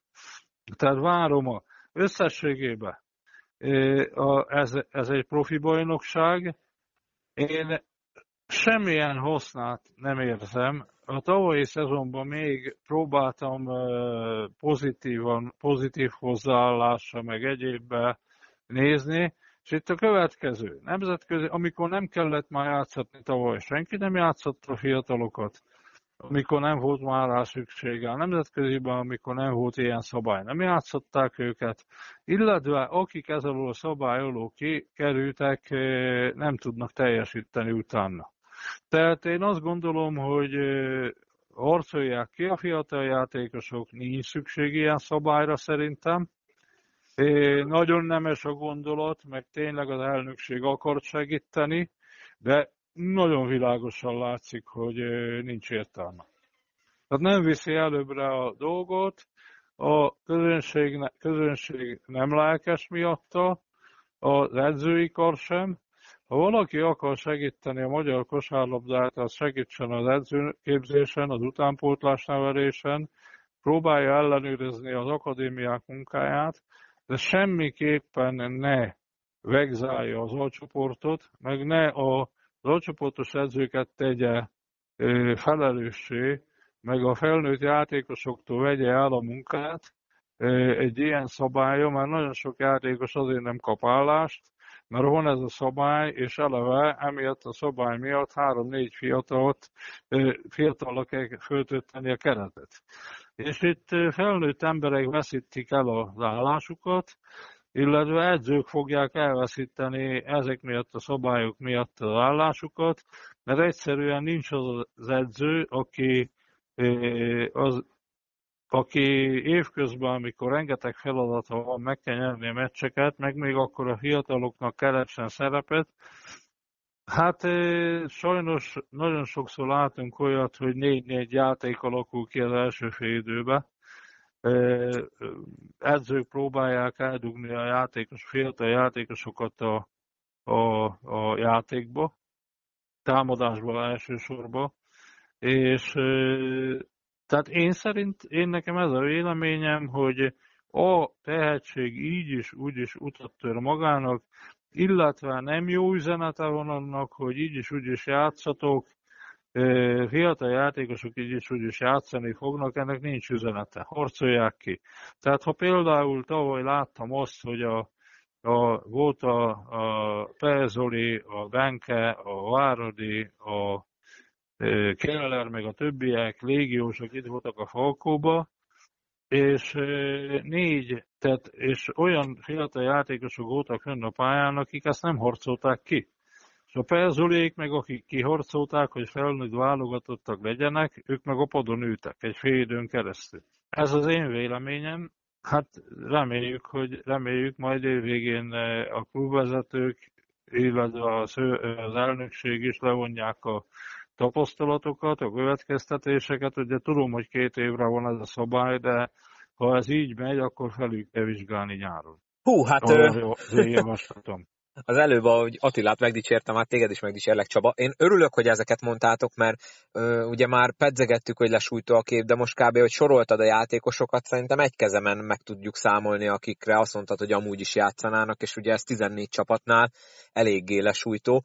Én egy dolgot vetnék még fel, és de ez rezonál azzal, amit te is elmondtál nekem. Van egy ismerősöm, egy újságíró ismerősöm, aki rendszeresen nekézi ezt a szabályt, mert hogy ugye ő, mint fizető néző, ő azért fizet álcsoportos kosármeccsre belépőt, hogy a legjobbakat lássa játszani. És akkor ez itt van azzal, és ő, ő neki az a markáns vélemény, hogy ez a sport szellemiségével teljesen ellentétes, hiszen ugye élsportról van szó. Ő is azt mondta, hogy akkor az utánpótlás akadémia rendszer erre van, meg a, a másodosztályok, stb. Hogy igazából tényleg, tehát hogyha kifizeti az ember a nem éppen olcsó jegyet vagy bérletárat, akkor tulajdonképpen kap egy 20 perces mérkőzést, mert a legtöbb meccsnek az első fél ideje színvonalban én szerintem ki lehet mondani idén, hogy jó, jócskán visszaesett, és akkor itt most nézzünk a Pécsre, nézzünk akármelyik másik random csapatra a Falkon kívül, hogy, hogy igen, de talán tényleg a Pécsnél a legjobban megfigyelt, hogy az első félidő meg a második félidő, mint a két külön csapat játszanak nem tudom ezzel a véleménnyel, ti hogy értetek hát, egyet, hogy ugye tényleg, tehát azért fizetünk ugye belépőt, hogy a legjobbakat lássuk játszani. Mondom én, én az elején azzal kezdtem, 23 éves korában, aki nem játszik, az, az, tehát azt már adminisztratív okokból. Sok országban volt ez a szabály, volt ez Horvátországban is, annyi különbséggel túl 20-asnak kellett lenni. És nekünk volt horvát edzőnk, az Anton Azor mondta, hogy egyszerűen megoldották, kiállították a sarokba, és négyen lejátszották a meccset, és egy Szerintem egy szezonon sem ment, vagy másfél szezon maximum, amíg ment az a szabály. És Karácsonykor megszüntették. Karácsonykor megszüntették, tehát négyen játszottak. A másik oldala, hogy tényleg, amit a Csaba is mondott, hogy itt vannak olyan játékosok, akik Dr. Peti 24 éves, és nulla perc. Tavaly 20 perc.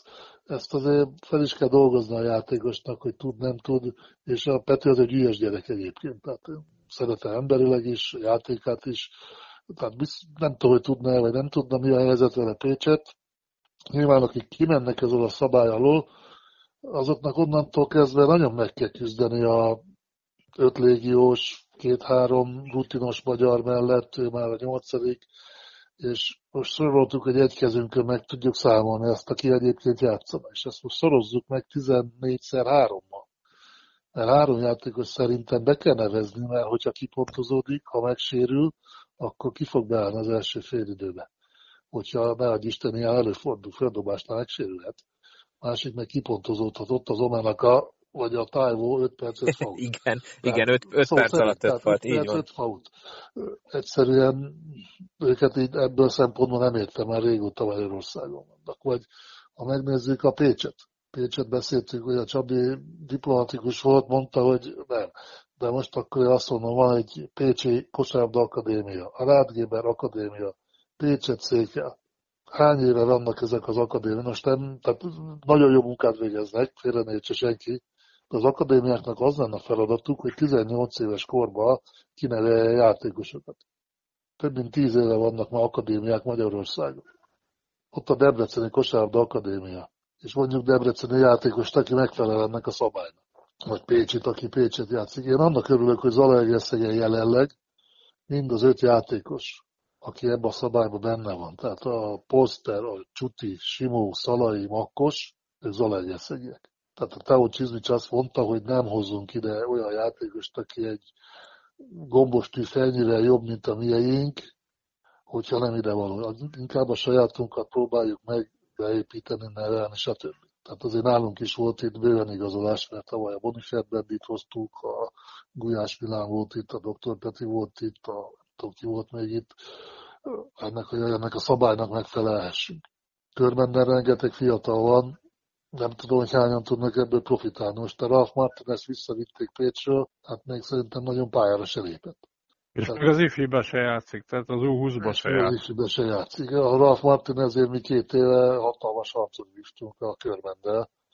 Még lehet, hogy emlékeztek rá. Igen, emlékszem. Hogy aláírt, nem írt, ide jön, nem jön, van szerződése, nincs szerződése, itt volt aztán minden ezzel kapcsolatban. Aztán maradt körmenden, nem játszott egy percet se, utána eligazolt Pécsre. Ott se, ott se nagyon játszott. Sőt, ott szerződést bontottak vele. Kölcsön adták, úgy tudom. Pécset, Nem, Pécs, Pécs, igen, de már ott május elején szerződést bontottak vele, tehát nem csinálta végig a szezont. És vissza, vissza, visszavitte, nem volt állás a nyáron, és visszavitte a körmend, de nem számítanak rá. Ja. Tehát megpróbálták, nem tudom a részleteket, de nem számítanak rá. Tehát ott egy megtört pályafutásról van szó, és ugye nem kosárlabda okokban elsősorban, hanem ugye életmódbeli problémák miatt.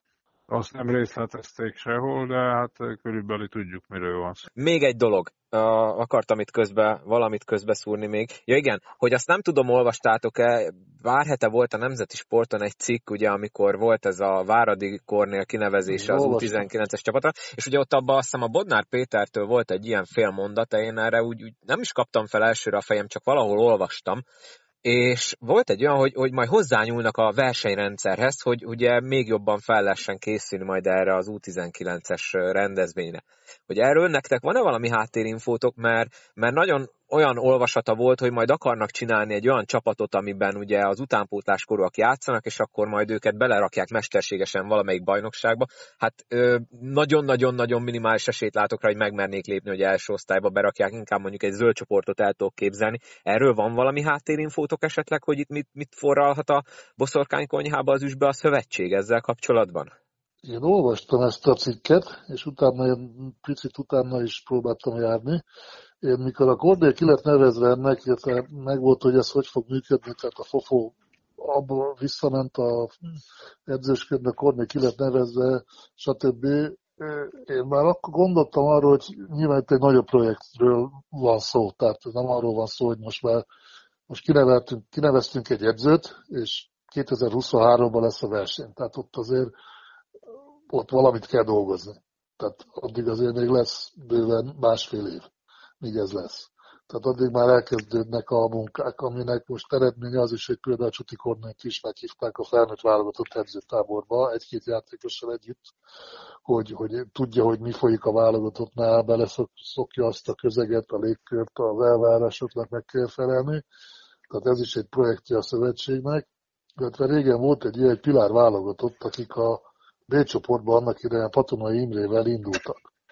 A Gulyás Robi féle korosztály volt, csak azt nem tudom, hogy ezt hogy fogják megvalósítani, hogy nyilván az NB1-ben még a tizen, akkor 18 éves, 19 éves gyerekek lesznek, az még nekik szerintem sok lenne, hogyha az NB1-be. A zöld csoportot én gyengének érezném, ne sértődjön még egy zöld csoportos csapat se. Tehát ahol 40 éves, tehát 40 éves emberek munka mellett elkosárlabdázgatnak, ott, ne, ne ott akarjunk profi kosárlabdázót nevelni. Tehát én egy, egyetértek olyan edzők, akik azt mondják, hogy ha egy csoportban akarunk kosárlabdázót nevelni, akkor ott kell kosárlabdáztatni. Nem a B csoportban, egy alacsonyabb sebességen, színvonalon.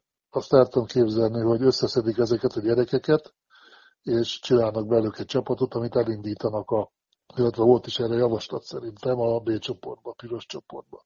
Csak kérdés az, hogy az U23-as szabályt ezt mennyire fogja befolyásolni, mert hogyha nekünk azt mondják, hogy a Csuti Kornet akkor leigazoljuk a szövetség csapatába, és akkor nálatok nem tud játszani, akkor én, mint ZTH mondhatom azt, hogy bocsánat, de az kulcsjátékos az U23-as szabályban. Tehát akkor én meg mondjam meg azt, hogy az ellenfélbe ki nem játszhat ebben a szabályban. Tehát valószínűleg ebben lesz változás. Én úgy gondolom. Illetve nekem azt mondták, hogy a nemzeti sport egy kicsit előbbre ment a dolgoknak. Egyébként, amikor ilyen, ilyen dolgok vannak a szövetségben, mennyire vagytok ti mm, akár felnőtt csapatszinten, akár utánpótlás szinten bevonva ezekbe a döntés előkészítésekbe? Hát mindig van egy ilyen munkavacsora, a munkábér a szövetségbe, a bajnokság lezárása előtt valamikor, ahol a következő szezonnak a hogy az azt követő szezonnak a stratégiáját tájékoztat bennünket a szövetség. Nyilván az ügyvezetőket, vezetőket meghívják, hát a csapatok ügyvezetői, technikai vezetői szoktak elmenni, tehát ott a jövőbeli tervekről mindig tájékoztatnak bennünket, és mindig mondják, hogy ez még nem a következő bajnokság, hanem az utáni, a következő az már megvan, és ott próbálják, hogy a csapatok merre felé mennének, hány légiós legyen a pályán, stb. Tehát egy ilyen szondázás, és annak megfelelően gondolom meghozzák a, a döntéseket. Én is szerencsésebbnek tartanám azt, hogyha nem 23-as szabály lenne, hanem például két magyar játékosnak kellene a pályán lenni. Az már azért, és lehetne több légiós is egy csapatba, Régen ugye az volt a szabály a nemzetközi kupás csapatoknál, hogy ahogy a hazai bajnokságában játszhatott, úgy játszhatott a nemzetközi kupában. Igen, a Euro Challenge-ben miatt az olajnak voltak olyan meccsei. Volt Igen. Volnak, de most már ez a szabály szerintem nincsen. Nem tudom, hogy van-e, annyira nem követel a nemzetközi kupát. Tehát a román csapat is jött hét légióssal. Nyilván, hogyha Stolnoknak is lehet hét légiósa, a magyar, az etének is lehet hét vagy nyolc légiósa, egyszerű lehet rajta a játékengedélyen, aki szerepelhet nem tudom, nemzetközi kupában ez hogy, hogy van, nem foglalkozom én vele, mert nem, nem indulunk sajnos, hogy egyelőre nemzetközi kupába.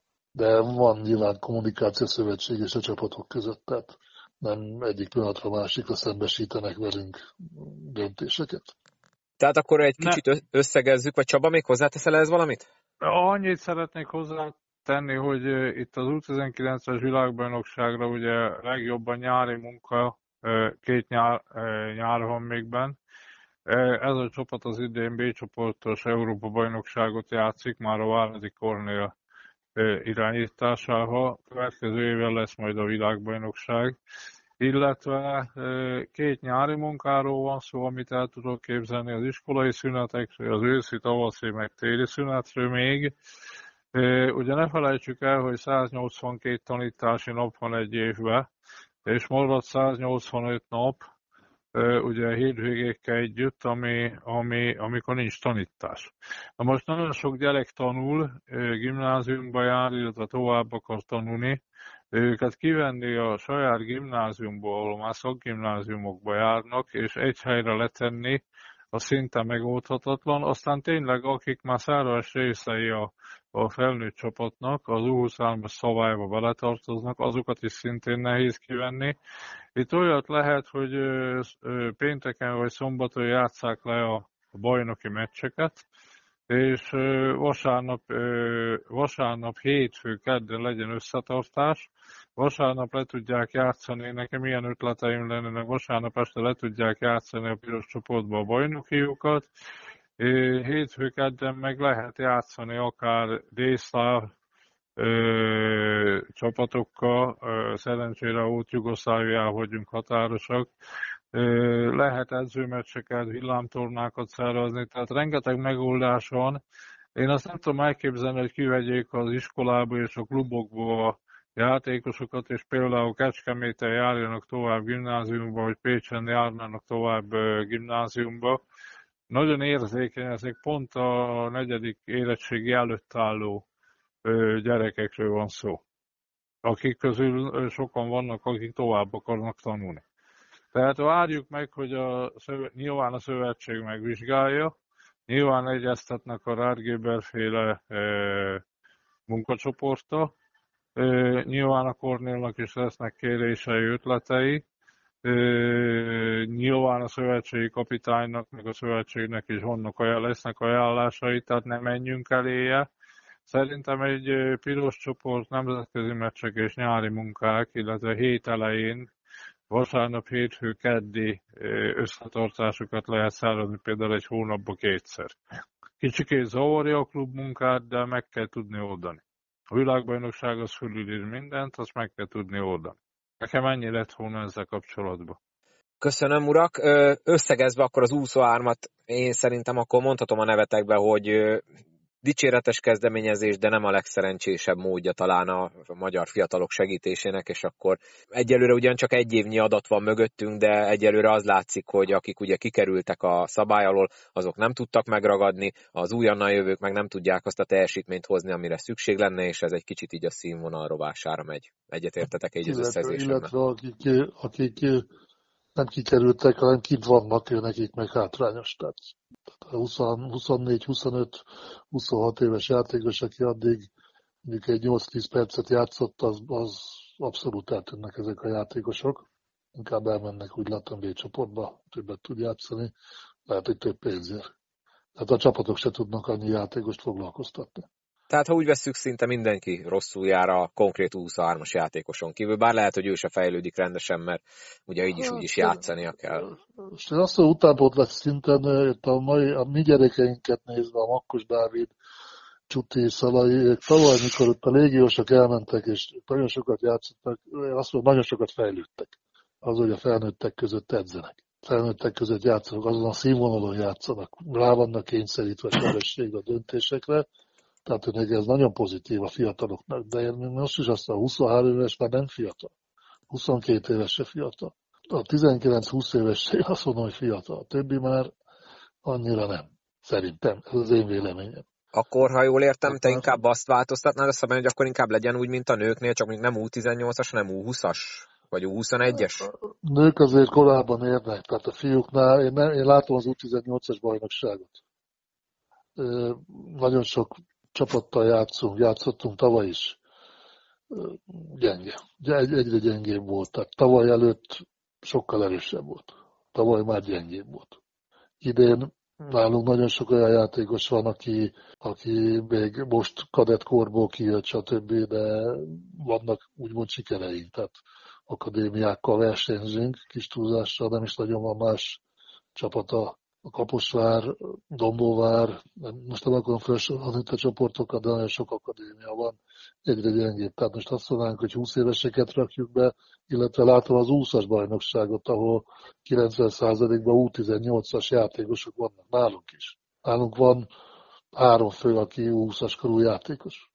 Mert U18-ból kiöregszik, a felnőttben nem fér be, elmegy a megyei bajnokságba, az MB2-ben, nagy Isten a B csoportba elviszik tőlünk, pénzért, tehát pénzért kosárlabdázik a B csoportban, ott kötelező az 20 szabály még mindig, viszont nem nagyon nevelnek a B csoportos csapatok, és nálunk meg Zalaegerszegen elmegy egy Isten tovább tanulni, nincs 20-as korú játékos, aki az U20-as bajnokságban játszon.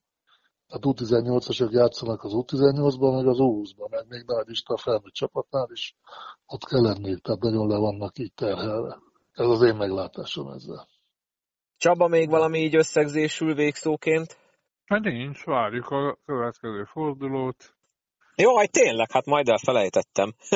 Ugye mindig megbeszéljük, hogy... a péntek, szombat... Igen, mindig megbeszéljük, hogy melyik meccset várjátok, milyen okból. Attila, ugye nekünk itt ez volt a hagyomány, hogy mindenki kiválasztott egy mérkőzést, amire szerinte érdemes odafigyelni az előttünk álló fordulóba, úgyhogy akkor kérlek téged is nyilván a, a saját mérkőzéseteket azt most szerintem hagyjuk ki, mert azt nyilvánvalóan várod, de a többi közül mi az, amire te azt mondod, hogy érdemes odafigyelni? Hát én kíváncsi leszek az Alba körmendre, ugye hatodikán lesz, és azt tévés meccs is lesz, ha igen, tudom. Igen, igen. Tehát arra én kíváncsi leszek, illetve az oroszlány otthon játszik a Dearccal az is egy érdekes lesz. A Szeged játszik ugye két mérkőzést is a héten, de Sopronnal játszik otthon, illetve a Falkóval. Sopronnal ugye harmadikán, a Falkóval pedig hatodikán. Hát szerintem a Sopronra fognak inkább rákészülni, azt mindenféleképp a Falkot meg majd mondom, meglátják, hogy az már hétvégén lesz, hogy milyen ki belőle. Ugye a Falkonnak közben lesz még egy túrája is, amit a Csaba mondott, tehát valószínűleg Trevizóba is busszal mennek meg, meg Szegedre sincs még Szombathelyről repülőjárat, tehát az is egy hosszú utazás lesz nekik. Az, az ott a Szeged elkaphatja a Falkót, hogyha úgy játszana, ahogy, ahogy egyszer, például az Alegerszegen játszottak. Nagyon jó teljesítmény nyújtottak itt. Hát egyetértek, egyetértek azzal, hogy a, a, az Albakon Görmend az kiemelkedő lesz, én e, e, nagyon várom az oroszlány, Debrecent, illetve itt van még azért egy Pécs Kaposvár, Pécs ami Kaposvár, igen, a rangadó. Az, az igazi, igazi rangadó, készül mind a két csapat, arra olyasmi, mint amilyen a, a, a Körmenc Zete, vagy a Körmenc Falkó, vagy most már azért az Alájgerszeg Falkó is azért láttuk, hogy mi, én ott voltam Attila mellett ütenpont, úgyhogy láttuk, hogy azért egy ZTE hogy játszott a Falkó ellen. Tehát a, a, a tudása fölött játszott a Falkó ellen, tehát hát, és majdnem... meggondja az ET-nek. Ha, ha mindig itt játszanak. Szerintem. Ha mindig a Falkóval kéne játszani, nem lenne itt semmi akkor gond. Lenne, akkor lenne gondja, csak akkor is, akkor is lenne gondja, csak akkor nem mondanák azt, hogy szarul. Hát attól szebben, nem, attól szebben nem lehet játszani, meg attól szebben, ahogy ott az első fél évben dobott az ETE, az csodálatos. Minden, minden ment. Igen. Hát lesz egy Zete Nyíregyháza, nyilván az a hazai pálya kötelező. Bár a Nyíregyháza nagyon jó. Én láttam őket, néztem őket, jó játékosaik vannak szerintem, ez a Johnson kivonottan jó játékos, dob passzol, aztán két dobást hibázott a héten, tehát igazából bár a Cook is a Szegedbe, tehát, tehát a Nyíregyháza nem lesz ez a sétagalop, hogy simán nyerünk illetve van egy Kecskemét Paks, ahol a, a kontrollált kosárlabda fog találkozni, ezzel a kicsit inkább mondanám, ez az amerikai stílusú run tehát ez a futunk, dobunk, aztán valami lesz. Nyilván a Paks is, hogyha elkapja a fonalat, akkor bedobja, akkor veszélyes csapatnak körben ellen megmutatták neked. Igazából nekik minden pálya idegen, tehát a hazai pályán is idegenbe játszanak most Kecskeméten is el tudják kapni volna, de a Kecskemét az is stabil otthon, tehát az is egy érdekes meccs lesz. Nyilván itt lehet mondani, majdnem minden csapatnál az utolsó szalmaszába kell kapaszkodnia. Igen, ugye eddig se volt túl sok hiba lehetőség, ezután meg aztán egyre kevesebb lesz. Hát, az urak! Az körben meg négy győzelme van, hét meccsből, tehát, tehát kettővel van előtte a, az utolsó helyzetnek. Igen, nagyon szoros egyébként, ugye a Falkó az elment ugye veretlenül, a Szolnok ugye egy vereség, és akkor utána viszont nagyon sűrű, mert mindenki kb. két mérkőzésen belül van ott, majd hogy nem az utolsó helyig, ugye most a Szeged is, hogyha a bepótolt de meccseket a hozza. azért van hat meccse, tehát két meccset játszik most hazai pályán, hogyha abból egyet hoz, akkor ő már azért nyolc... Már is ott van a versenyfutásban, igen. És akkor ott van a 8-3-as csapatok a Kaposvára együtt. Tehát Szoros, szoros az a lényeg, hogy bárki, bárkit, ahogy azt ugye már a szezon elején a felvezetőben ugye mondták itt a tisztelt vendégeink. Urak, szerintem nagyon jól teljesítettünk most is, időben biztos. Én ezt az 23-as szabályt nagyon örülök, hogy ilyen jól meg tudtuk beszélni, és ilyen szempontból Attila tökéletes választás voltál, mint ugye aktívan utánpótlásban dolgozó köszönöm. vezető, úgyhogy nagyon szépen köszönöm, hogy megosztottad velünk itt ezeket a dolgokat, meg a egerszegi belső életről is azt a pár információt. Hát remélem, hogy aki majd ezt hallgatja, akár a döntéshozók, akár már még kicsit majd elgondolkodnak, bár sose lehet tudni. Minden esetre én nagyon szépen köszönöm nektek, hogy megint itt voltatok a héten. Attila, remélem, hogy te is élvezted így az első szereplést. Szerintem még majd találkozunk Köszönöm a podcastben, mert ilyen jó meglátásokat mindig szívesen hallgatnak szerintem a, a, a szurkolók, illetve a hallgatók. Csaba, neked szokás szerint köszönöm szépen, iszonyatosan jó készültél megint. Ö, találkozunk jövő héten. Nem tudom, van-e még valami, amit szeretnétek mondani, mert ha nem, akkor én nagyon szépen köszönöm, hogy itt voltatok. Mi is köszönjük a lehetőséget. Köszönöm szépen Csabának és Attilának, hogy a rendelkezésemre álltak, szerintem nagyon jót beszélgettünk, nektek pedig köszönöm szépen, hogy meghallgattátok ezt az epizódot is, tegyetek így a jövőben is, és tartsátok meg ezt a jó szokásotokat. Hogy értesüljetek az újonnan érkező epizódokról, az kell, hogy nyomjatok rá a feliratkozás gombra abban az applikációban, amelyikben hallgatjátok, illetve lájkoljátok a podcast Facebook oldalát, kövessetek Instagramon, és akkor mindig értesülni fogtok az újonnan érkező epizódokról. Ne felejtsétek el, hamarosan itt a századik rész, Stojan Ivkovics lesz a vendég, válaszol a hallgatói kérdésekre, úgyhogy küldjétek küldjétek el üzenetben, hogy mire vagytok tőle kíváncsia. Még egyszer nagyon szépen köszönöm a figyelmeteket, találkozunk legközelebb, addig is mindenki vigyázzon magára, sziasztok!